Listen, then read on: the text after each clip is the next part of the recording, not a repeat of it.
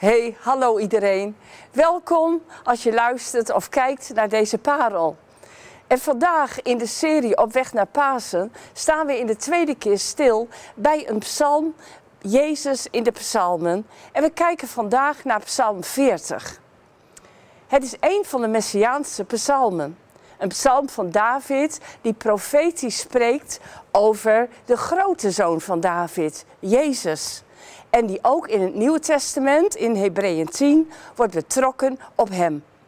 Er zijn meerdere gedeelten in deze psalm die wel verwijzen naar Jezus. Als je het nog eens wil nalezen. Bijvoorbeeld vers 10 tot 12 gaan over het leven van Jezus. En vers 13 en 18 kunnen we betrekken op zijn kruisiging. Maar vandaag lezen we samen vers 7 tot 9 en uit Hebreeën 10.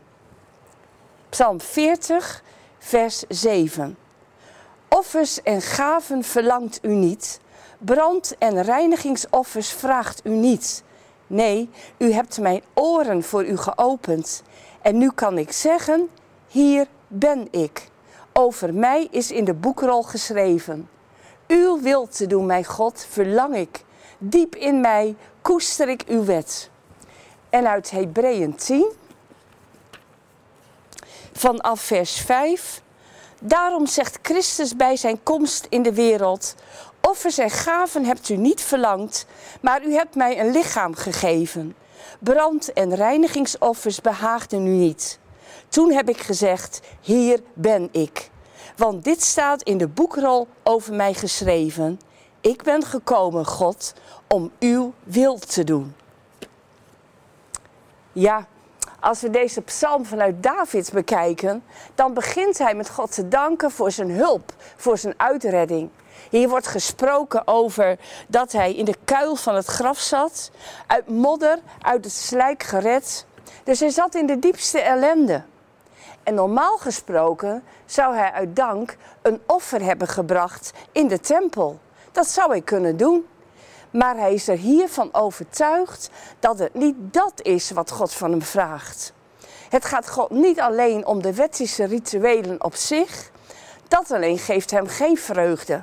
Nee, David beseft dat het dieper gaat in zijn relatie met God. Dat geeft Jezus in zijn leven ook steeds aan, naar de wet en de schriftgeleerden van zijn tijd. David zegt hier: U hebt mijn oren voor u geopend. In het Hebreeuws staat er: U hebt mijn oren uitgegraven. Wat opmerkelijk.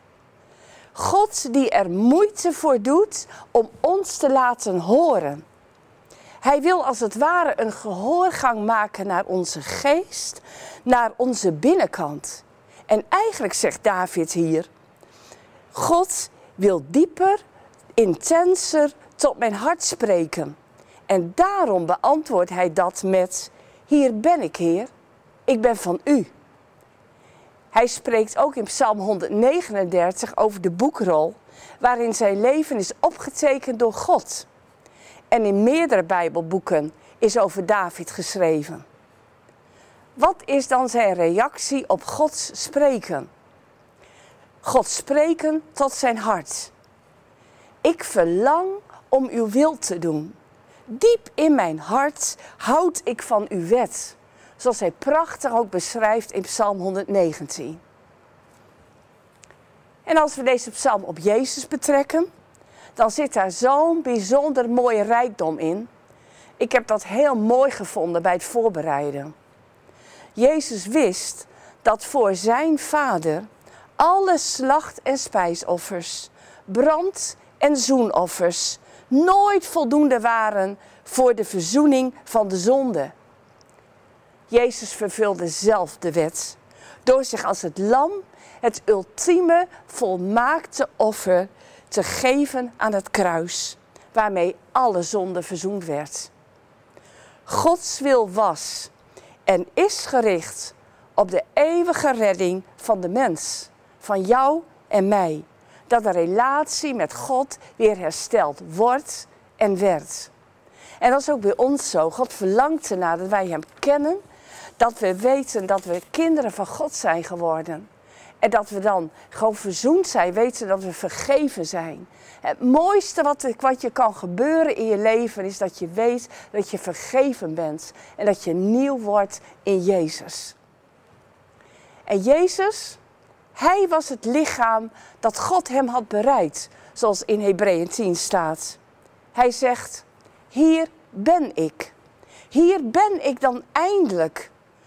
Jullie kennen mij uit de oude geschriften, maar nu ben ik hier als mens van vlees en bloed, met mijn lichaam. Hier ben ik, de zoon van God, om de wil van mijn vader te doen. Deze tekst zet zijn lijdensweg helemaal in het teken van gehoorzaamheid. Hij stelde zich volledig beschikbaar. Maar de demonische tegenwerking tegen dit plan was er nog voordat zijn bediening begon.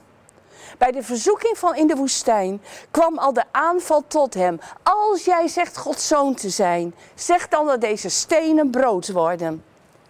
En Jezus weersprak dit.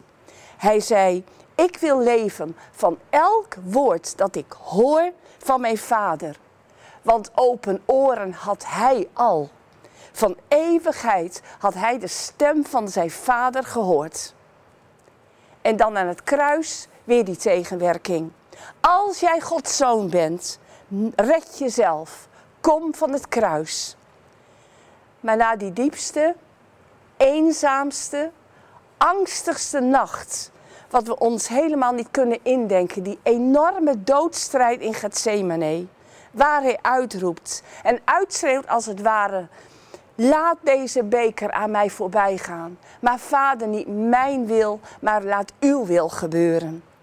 Dan is daar zijn diepste overgave aan de wil van zijn vader. Daar gaat hij ook staan in de autoriteit als zoon van God. Hier ben ik, de zoon van God, om de wil van mijn vader te doen. En dan als Judas er aankomt met een grote groep soldaten en fariseeën, dan treedt Jezus ze vrijwillig tegemoet. Hij laat zich niet als een misdadiger arresteren. Nee, hij staat erboven. Hij maakt zichzelf bekend. Hier ben ik. Hier spreekt autoriteit en gezag en ze deinzen ook ter aarde.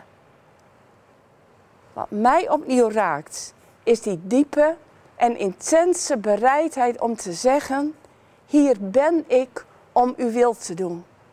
Wat spreekt daar een liefde uit naar ons, naar jou en mij, dat hij die weg wilde gaan. Want als ik deze psalm nu op onszelf betrek, dan stel ik mijzelf en ook ons de vraag: hoe reageer ik als ik dit verhaal van Jezus lijden opnieuw lees en echt hoor, dringt het nog echt tot ons door. Wat het Jezus heeft gekost, hoe groot zijn liefde was. Of soms zijn we het gewoon gaan vinden, zo van het wordt weer Pasen en ik geloof het zeker, het is goed zo.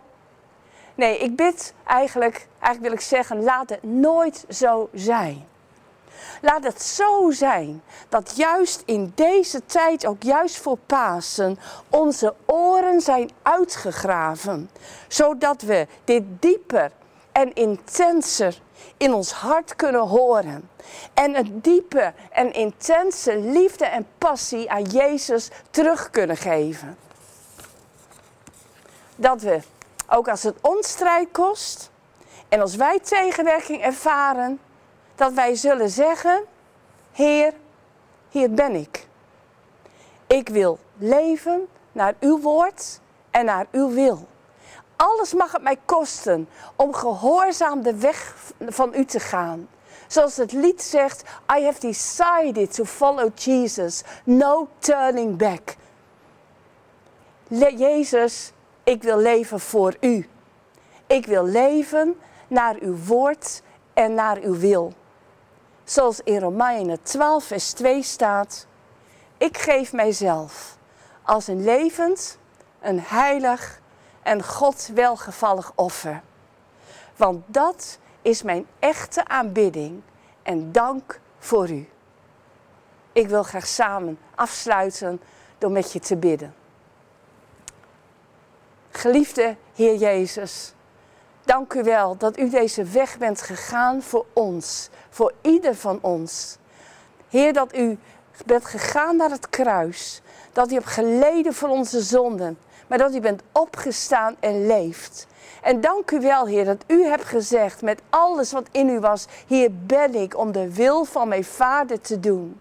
En Heer, die wil te doen van uw Vader, gaf u uiteindelijk eeuwige vreugde en heerlijkheid.